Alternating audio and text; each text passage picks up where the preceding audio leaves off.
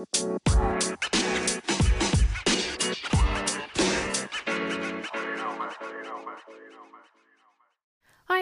mijn naam is Janneke en welkom bij mijn Positief met Pubers podcast. De podcast waarin ik elke week vragen van ouders beantwoord over het opvoeden van pubers.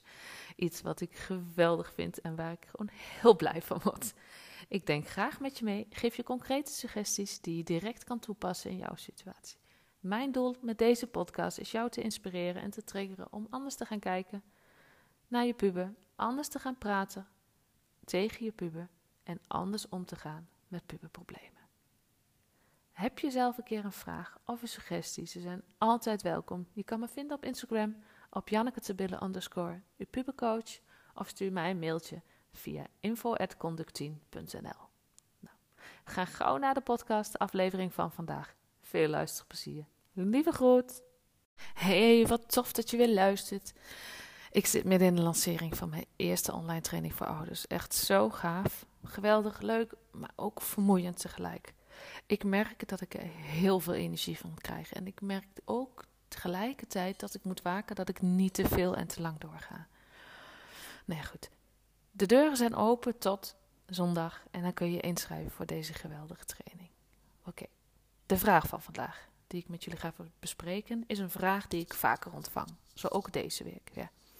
In deze podcast mijn antwoord. Ik zeg bewust mijn antwoord, omdat anderen daar natuurlijk anders over kunnen denken. Nou goed, mijn inzichten en visie op de vraag die ik krijg is: waarom is opvoeden soms toch zo verdomde moeilijk? Waarom bestaat er geen handleiding of boek voor pubers waarin beschreven staat hoe het om te gaan met pubers? Ja, zijn vragen waar ik ook wel eens over nadenk. En niet per se over pubers, maar überhaupt over het opvoeden. Want hoe tof en misschien ook wel gemakkelijk zou het zijn als er een handleiding was die je zou vertellen hoe te handelen in een situatie met je puber. Ja, in theorie zou dat heel prettig zijn.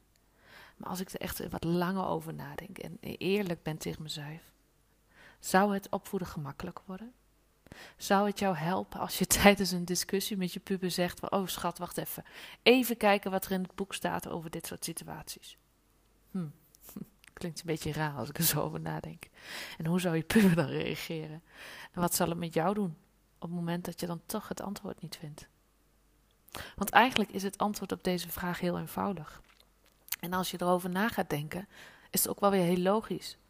Want het antwoord maakt ons als mens namelijk zo mooi, zo speciaal en zo uniek. Want elke puber is namelijk anders. Elke puber reageert anders. En niet alleen elke puber, elke mens is anders. En iedereen maakt andere dingen mee in het leven. Waardoor het ook anders omgaat met situaties. Ook anders omgaat met andere mensen. En dan heb je natuurlijk ook dat, dat genetische stuk. Maar daar heb ik niet zo heel veel verstand van. Dus omdat iedere puber anders is, wat ik zelf overigens geweldig vind, is het ook begrijpelijk dat elke puber anders reageert op situaties. Zelfs als je meerdere pubers in huis hebt, reageren ze anders. Jij reageert toch ook anders op je puber dan je partner dat doet, dan jouw ouders dat doen, of dat je vrienden dat doen tegen hun kinderen? Weet je, nu je weet dat pubers anders zijn, nou ja, ik hoop dat je dat eigenlijk al wel wist, dat elke puber anders is en anders reageert hoe mooi is het dan dat wij die taak hebben om te uit te zoeken wat werkt voor jouw puber. Is te ontdekken wat nou eigenlijk werkt voor jou. En dat je puber mag ontdekken wat, hoe tik ik, hoe, wat werkt voor mij. En dat is elke dag leren. Elke dag jezelf toestaan om te leren. Elke dag de zaakjes fouten maken elke dag open te staan voor nieuwe dingen. Om anders te gaan denken, om te ontdekken, om te onderzoeken, om een balans te vinden. En dat is elke dag een uitdaging. En dat is oké. Want ik denk samen, samen, zelf namelijk dat het leven heel saai zou worden. Als je van tevoren al weet hoe je puber zal reageren in situaties. En wanneer je dat nu ervaart, is het grappig of leuk, maar is dat altijd zo?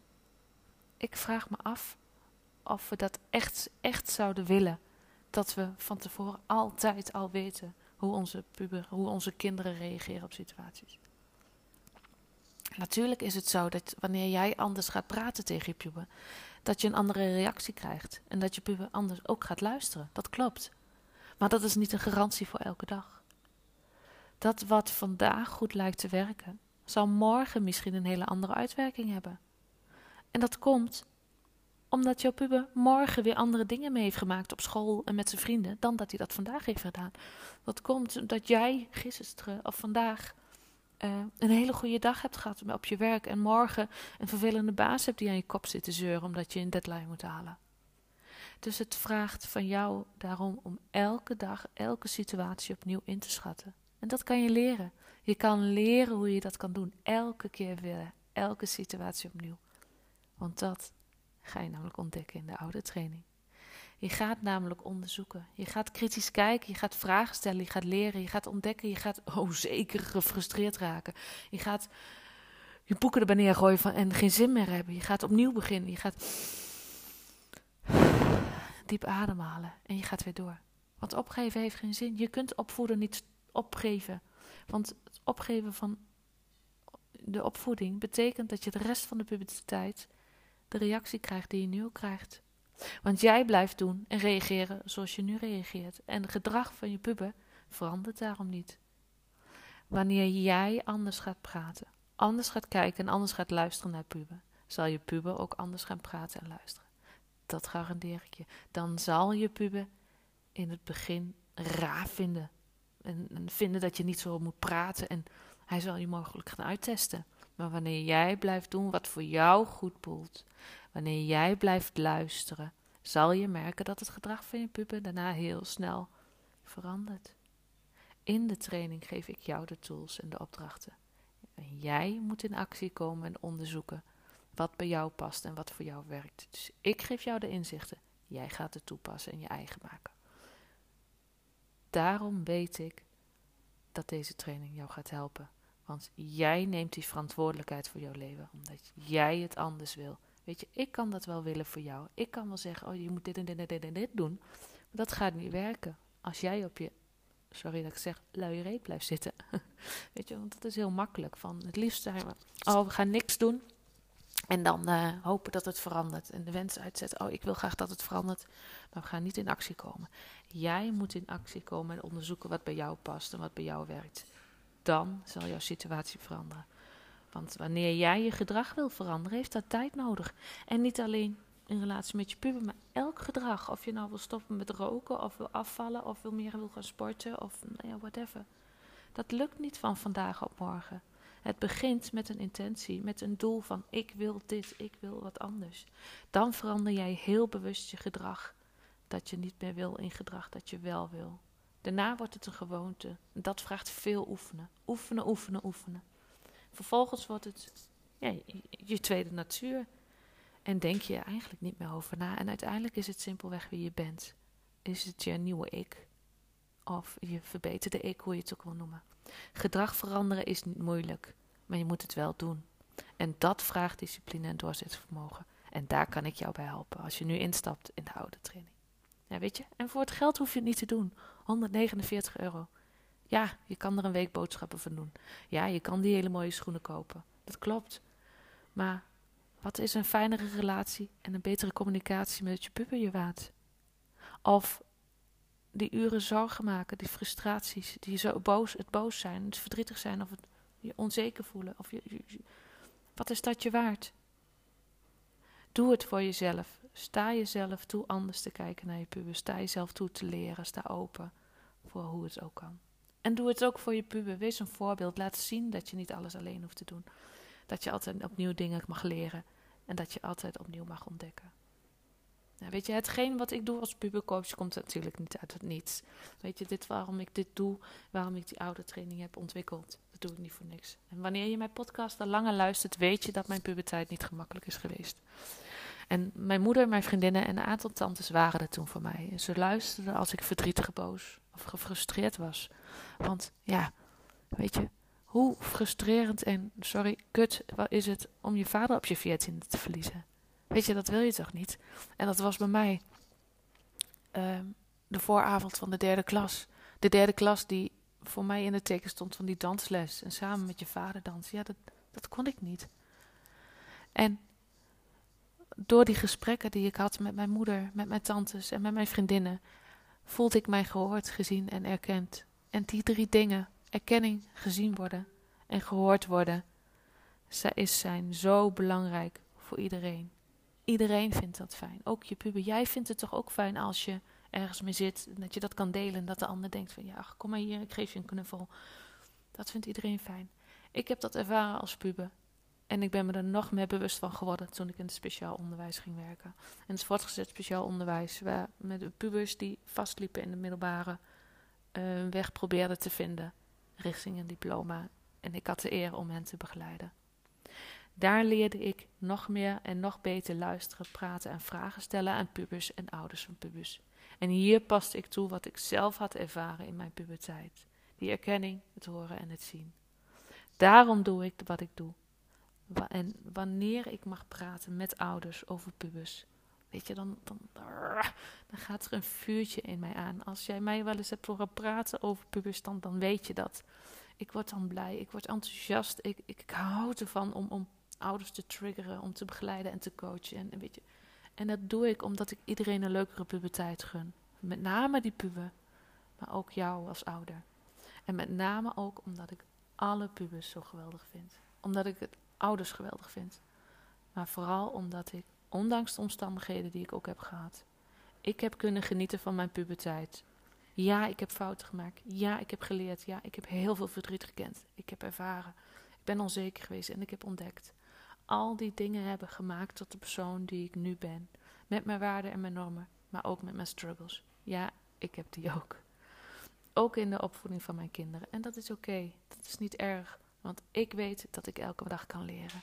En dat ik elke dag fouten mag maken. En dat ik terug mag komen op mijn fouten. En dat ik daar weer van kan leren. En dat mijn kinderen mij constant een spiegel voor zullen houden om mij verder te helpen. En die inzichten gun ik jou ook. Gun ik jou en je gezin. Ik gun jullie alle liefde en geluk. Ik gun jou en je puber een fijnere puberteit. Ik ben er namelijk van overtuigd dat opvoeden niet gaat over je puber, maar over jou. Ik hoop dat je hem voelt en weet wanneer jij uh, dingen kan bereiken die je wil. Want wanneer jij je focust op de dingen die je graag wil, zul je daar meer van krijgen. Dat is wet. Dat is waar ik zo in geloof. En dat is elke keer, elke keer wat ik terugkrijg. Ik zou het super tof vinden om met jou te gaan werken. Je kan je nog inschrijven tot aankomende zondag 16 januari via www.conde10.nl slash positief-met-pubus-training of www.positiefmetpubus.nl is wat makkelijk te onthouden. Daarna sluiten de deuren en zal er weer een periode duren voordat de deuren opengaan. En ik denk juist dat het nu zo belangrijk is, omdat we nog steeds niet weten hoe lang we nog in deze situatie blijven zitten. En ja, de situatie en omstandigheden zijn kut, maar de manier waarop jij ermee omgaat, daarin kun jij een voorbeeld zijn voor je puber. Daarin kun jij laten zien: oké, ja, de omstandigheden zijn niet leuk, we kunnen niet veel, maar we kunnen nog wel heel veel ook wel. Dus wanneer jij je leert focussen op dat wat nog wel kan en wat wel goed gaat, dan beloof ik je en dan weet ik zeker dat het een positief effect zal hebben op de relatie met je puber. En dat het een positief effect zal hebben op jou als mens.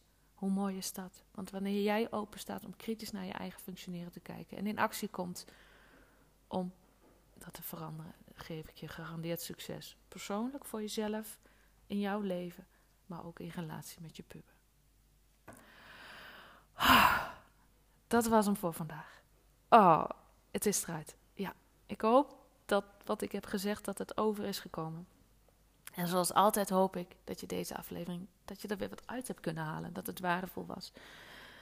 En dat, ik je, dat je weer wat hebt aan de informatie. Mocht je zelf vragen hebben, stuur me dan een berichtje via Instagram of een mailtje. Ik beantwoord die vragen met plezier. Want van elke vraag leer ik ook weer.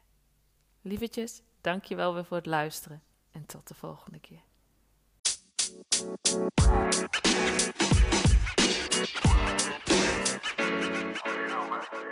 You know, man.